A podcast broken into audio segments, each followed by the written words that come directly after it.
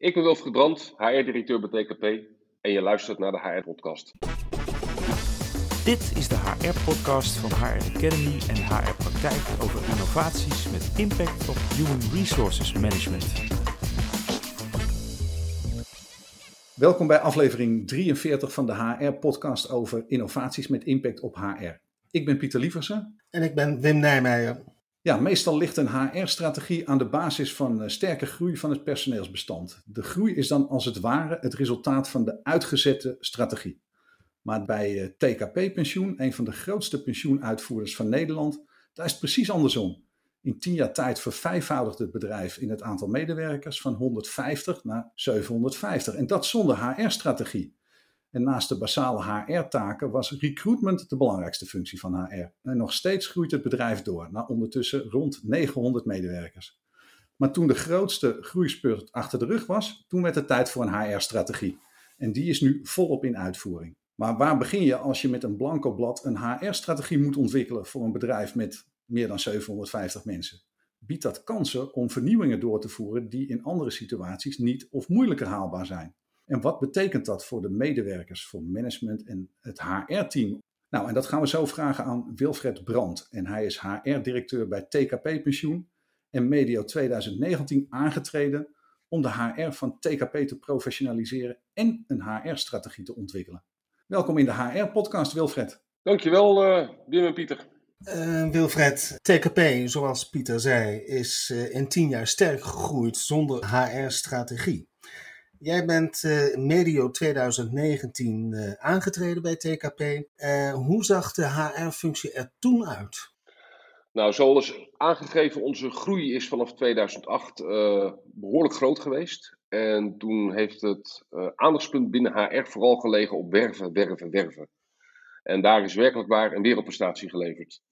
je zit in de noordelijke provincies, een andere arbeidsmarkt dan in de Randstad. Dus binnen relatief korte tijd een paar honderd man in je organisatie uh, zeg maar laten werken op een goede manier.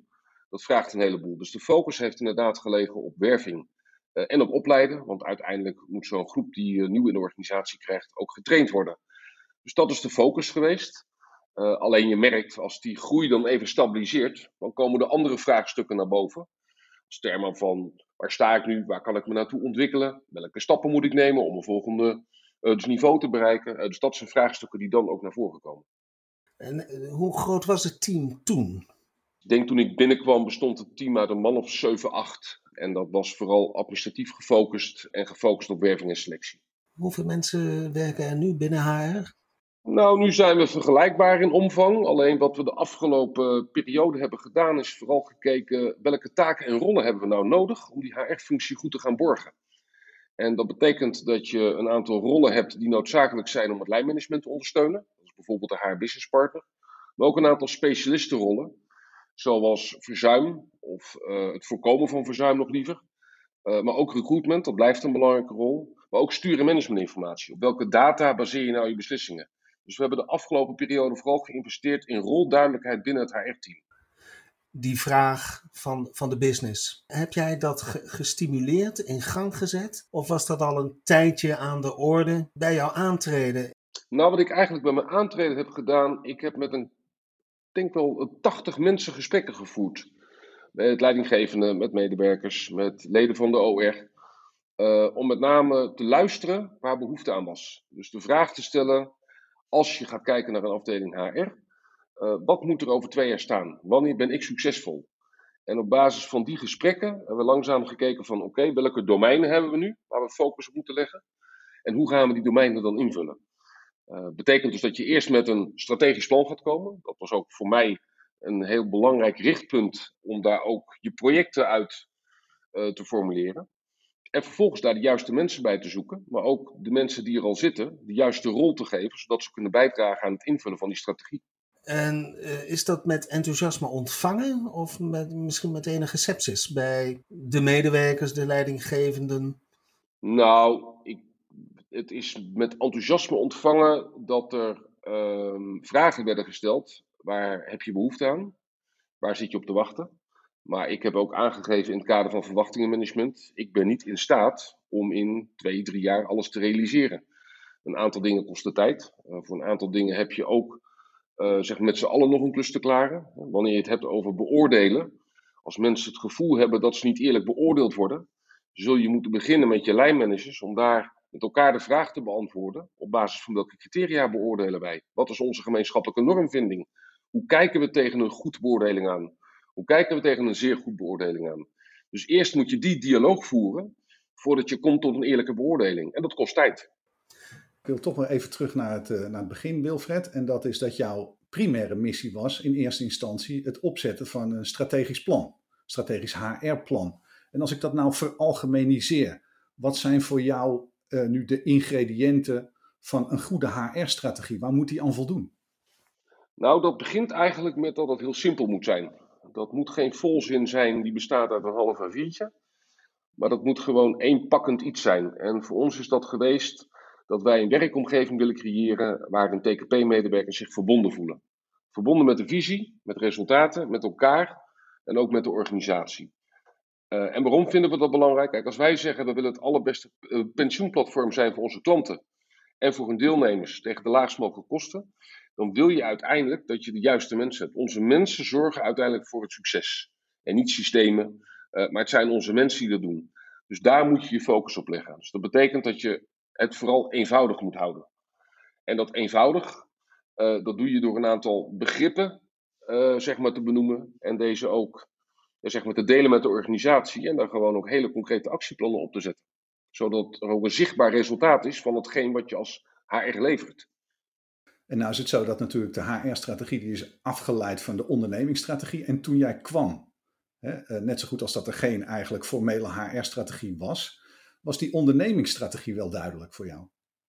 Ja, die was er zeker wel. Uh, toen ik kwam was er net een jaar daarvoor een strategisch programma gestart.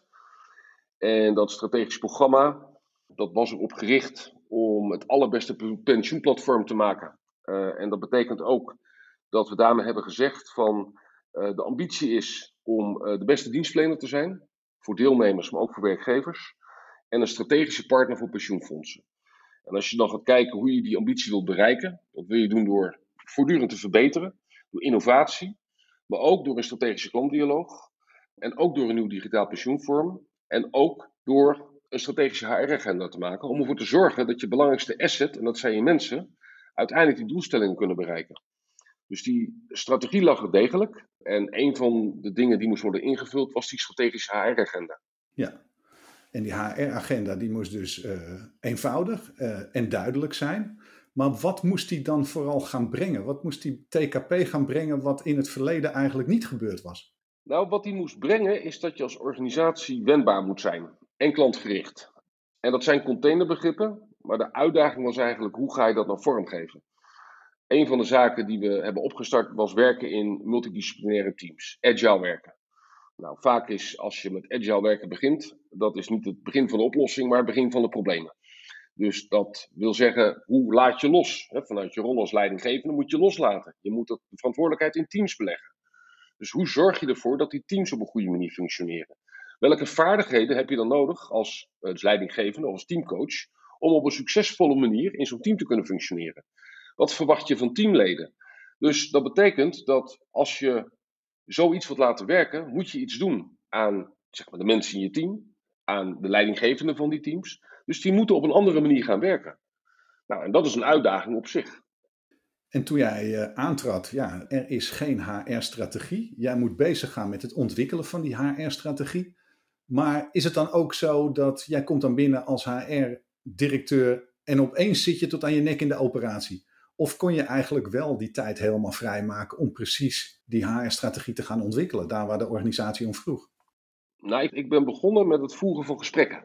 En dat waren ruim 80 gesprekken. Dus ik heb de eerste drie maanden eigenlijk de ruimte gekregen om vooral de organisatie te leren kennen. En om te horen wat er speelt. En dat heb ik als heel waardevol ervaren, dat is heel zinvol. Dus ik heb juist absolute vrijheid gekregen om uh, te horen wat er speelt. En ook om uh, te kijken welke acties we zouden moeten gaan omzetten om uiteindelijk die HR-strategie concreet vorm te gaan geven. Dus de eerste drie maanden die gaan op aan gesprekken voeren. Hoe lang is dan die periode die daarna komt en wat doe je daarin?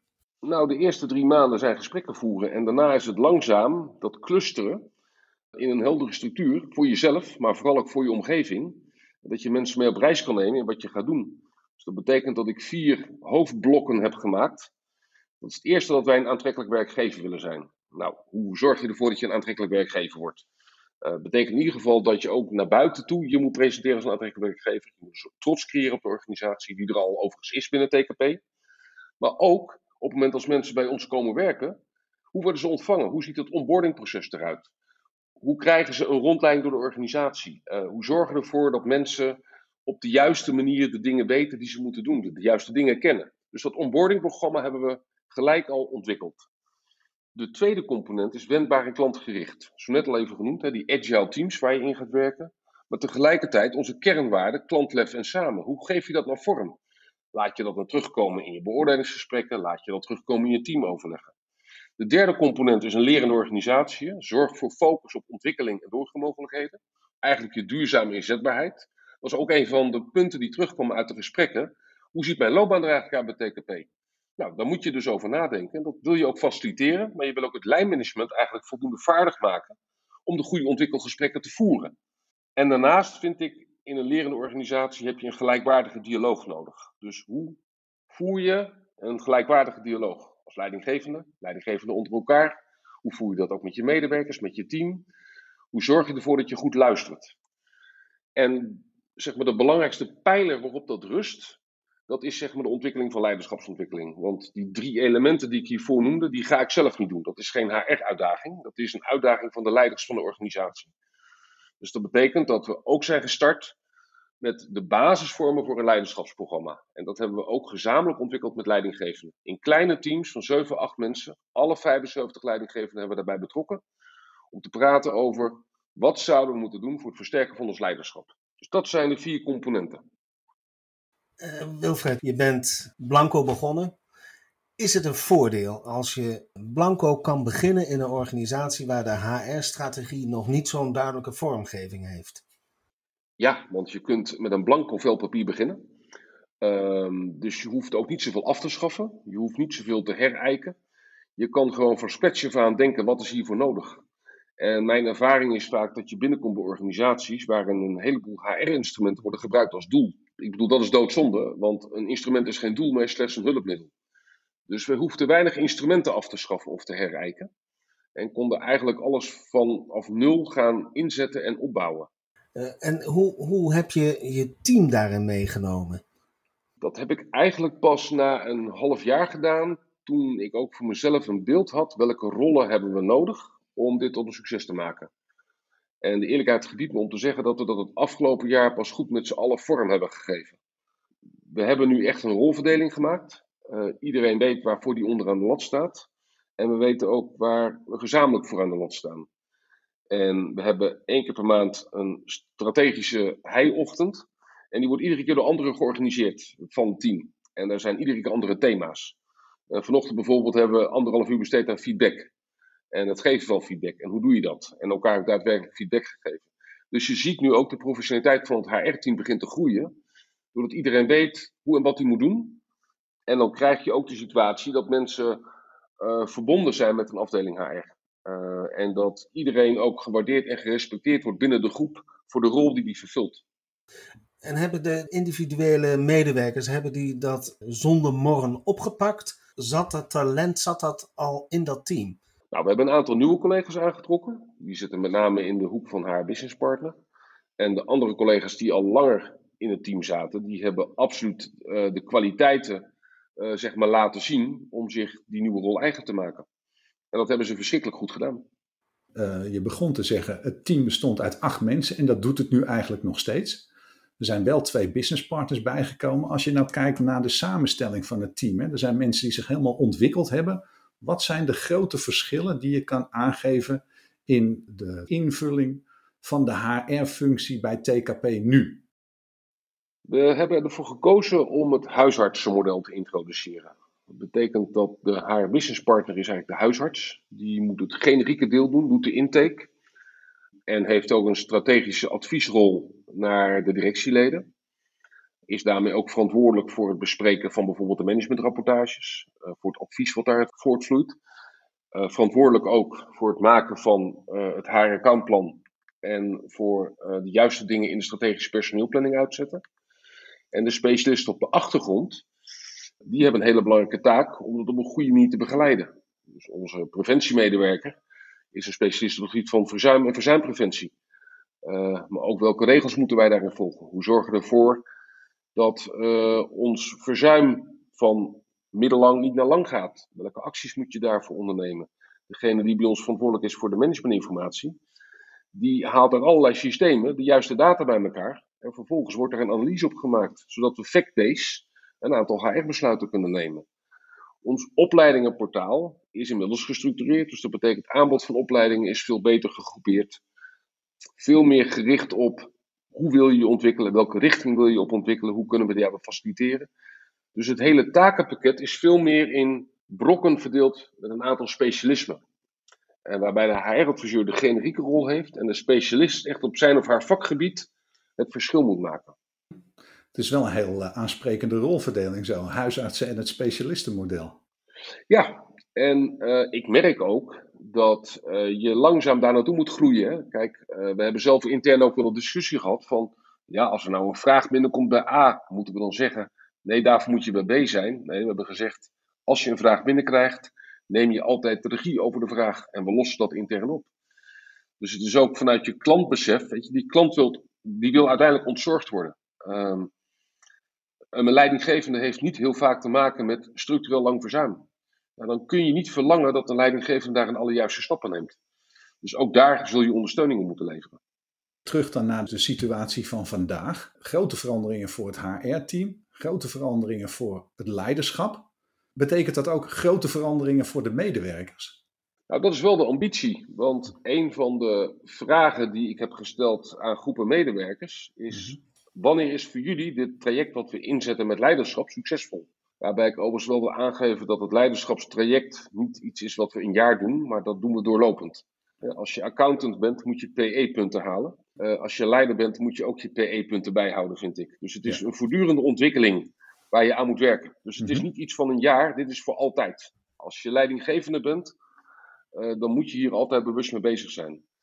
En dat betekent dat ik bijvoorbeeld terug kan lezen in de resultaten van bijvoorbeeld een werklevensonderzoek, hoe de beeldvorming is rondom leidinggevenden. Dus ik heb een mhm. aantal nulmetingen en ik heb over een jaar, als het goed is, weer een andere meting. Dus daar wil ik wel op sturen. Maar wat ik belangrijk vind, is dat medewerkers merken dat er een open eerlijke dialoog is. Mhm. Dat leidinggevenden ook uh, weten waar ze zelf vandaan komen. Hè. We hebben in ons leiderschapstraject hebben we een soort heilige graal benoemd voor onszelf. Het begint met het leiden van jezelf. Daarna begint het met het leiden van anderen. Dan het leiden van de organisatie. En dan het leiden van de verandering. En die vier elementen zijn voor ons van belang uh, om uiteindelijk ook onze organisatiedoelen te halen. En dat doe je met gemotiveerde en betrokken medewerkers. En die hebben we gelukkig ook al. Ja, ja. Als je aan de slag gaat met, met de, de nieuwe strategie, ben, ben je daar dan echt de hele dag mee bezig? Is dat echt een voltijds bezigheid? Nou, de eerste zes maanden is het wel een voltijd bezigheid, omdat je vooral veel aan het praten en aan het luisteren bent. Vooral aan het luisteren bent. En daarna is het vooral ervoor zorgen dat de onderdelen van die strategie worden uitgewerkt in projecten. Want er moet uiteindelijk wel iets plof doen. Als je het hebt over eh, een proces van onboarding, dan moet je wel een onboardingportaal gaan maken. Dan moet je er wel voor zorgen dat processen rondom onboarding goed geregeld zijn.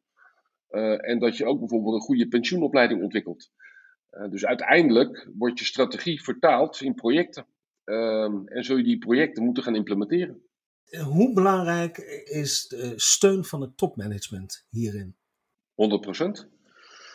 Zeker op het moment als je het hebt over een thema als leiderschap, is het cruciaal dat de leiders van de organisatie zien dat daar een ontwikkelopgave ligt. En als je daar de steun niet hebt, uh, dan, is het een, dan is het een vrij zinloze weg. Uiteindelijk is het aan mijn taak om aan te geven dat een aantal ontwikkelingen noodzakelijk zijn. Dus dat is meer hoe je je verhaal onderbouwt en met welke argumenten je komt. Maar dat is cruciaal. Ja, en het middenmanagement, wat toch ook een cruciale rol speelt in het accepteren van de nieuwe strategie. Hebben die het ook volmondig omarmd? Nou, wanneer ik het heb over het leiderschapstraject, we hebben twee weken geleden een kick-off gehad van een hele middag. En dat was een zeer inspirerende middag, uh, waar we toch bijna vier uur via Teams een hele programma hebben neergezet. En er is nu een enorm enthousiasme om daar met z'n allen aan deel te nemen. En de voorbereiding ook van die hele middag hebben we ook gedaan met een negental collega's. En dat waren allemaal leidinggevenden uit de organisatie. Dus ook hier geldt weer, als je dingen in, uh, in, in een co-creatie doet, dan zul je ook merken dat er meer draagvlak is voor ontwikkelingen die je in gang zet. En niet vanuit een ivoren toren dingen doet. Je bent nu vanaf 2000, medio 2019 ben je ermee aan de slag gegaan. Kan je het proces, uh, het basisproces van het ontwikkelen van de strategie nu als afgesloten beschouwen? Of is het een doorlopend proces waar je echt jaar in jaar uit mee bezig bent? Ja, dat vind ik wel, hè? want we hebben de stip op de horizon uh, in Q3 2019 vastgesteld. En die stip liep tot eind 2021, begin 2022. Dus eind van dit jaar uh, zal ik een HR-strategie 2.0 hebben. Want een groot deel van de zaken die ik anderhalf jaar geleden heb gesteld als doel, die heb ik dan geïmplementeerd. Dus dat betekent dat je nu naar een volgende fase gaat. En ook voor HR is dat een volgende volwassenheidsfase. Uh, je moet nu bijvoorbeeld gaan nadenken: hoe ga ik om met het talent in de organisatie? Heb ik talentenbeleid nodig? Hoe ga ik dat vormgeven? Hoe ga ik om met de mensen die onvoldoende functioneren? Hoe ga ik die begeleiden naar een volgende succesvolle stap binnen of buiten de organisatie? Dus dat zijn nu de volgende vraagstukken die zich aandienen. Nu je een scherp uitgetekende HR-strategie hebt, wat doet dat voor het aantrekken van nieuwe mensen? Wat je sowieso merkt, is dat TKP een organisatie is waar mensen heel trots zijn om voor te werken. Er is een grote mate van betrokkenheid en gedrevenheid. En wat wij horen van mensen die bij ons nieuw in dienst komen, is dat ze zich enorm welkom voelen. Ook in deze coronaperiode hebben we, denk wel, ruim 120 collega's nieuw ontvangen. Uh, op een digitale manier. En iedereen zegt: het is een warm bad waarin ik terechtkom. En uh, iedereen krijgt een buddy. Uh, mensen zijn bereid om elkaar te helpen. Iedereen is bereid om tijd erin te stoppen, om vragen te beantwoorden. Dus met name het onboardingproces en de manier waarop mensen ontvangen worden in onze organisatie, uh, daar ben ik eigenlijk heel trots op. En dat doet iedere collega, heeft daar een rol in. En dat doen we met z'n allen heel goed, vind ik. Ja, recruitment was natuurlijk al een vrij sterk punt, ook van de oude organisatie, gezien de hele sterke groei. Wat is dan het grote verschil met als die medewerkers dan eenmaal zijn binnengestroomd? Wat is het verschil tussen de vorige situatie en nu jij aan het HR-roer staat? Ik weet niet of er een heel groot verschil is. Uh, want ik denk dat de medewerkers die voor mij zijn binnengekomen zich ook heel welkom voelden. Alleen we hebben nu iets meer structuur gebracht in de manier waarop mensen binnenkomen. En ook dat ze de juiste dingen weten. Dat we een onboardingportaal hebben. Dat we een goede pensioenopleiding hebben die we zelf hebben ontwikkeld dat we een gestructureerd opleidingsaanbod hebben om jezelf te ontwikkelen. Dus dat zijn allerlei zaken die we nu goed op orde hebben. Wilfred, er zullen ongetwijfeld luisteraars, schuine streep, eh, vakgenoten zijn die ook aan de slag willen met of het opnieuw formuleren van uh, de HR-strategie of misschien wel het opzetten van een nieuwe HR-strategie. Welke tips kan jij jouw vakgenoten meegeven om dit proces uh, in te gaan? Oeh, nou, dan zou ik mezelf als een expert op dit domein beschouwen en dat doe ik absoluut niet. Dus um, het enige wat ik kan vertellen wat ik heb gedaan en waarvan ik dacht dat het in ieder geval succesvol is geweest. Ik ben begonnen met vooral te luisteren in de organisatie wat er speelt. Wat de wensen en behoeften zijn en wat men verwacht van het HR-domein over 12 tot 24 maanden. Dus wat moet ik hebben neergezet? Dat is eigenlijk de eerste stap geweest. En vervolgens ben ik gaan clusteren om te kijken welke clusters zijn nu voor mij eerste prioriteit? Nou, dat waren die vier clusters die ik al even heb genoemd. En ik ben per cluster gaan kijken, wat moet ik nou opleveren? Hoe en wat moet nou geïmplementeerd worden per cluster? En dat is dan op heel operationeel niveau.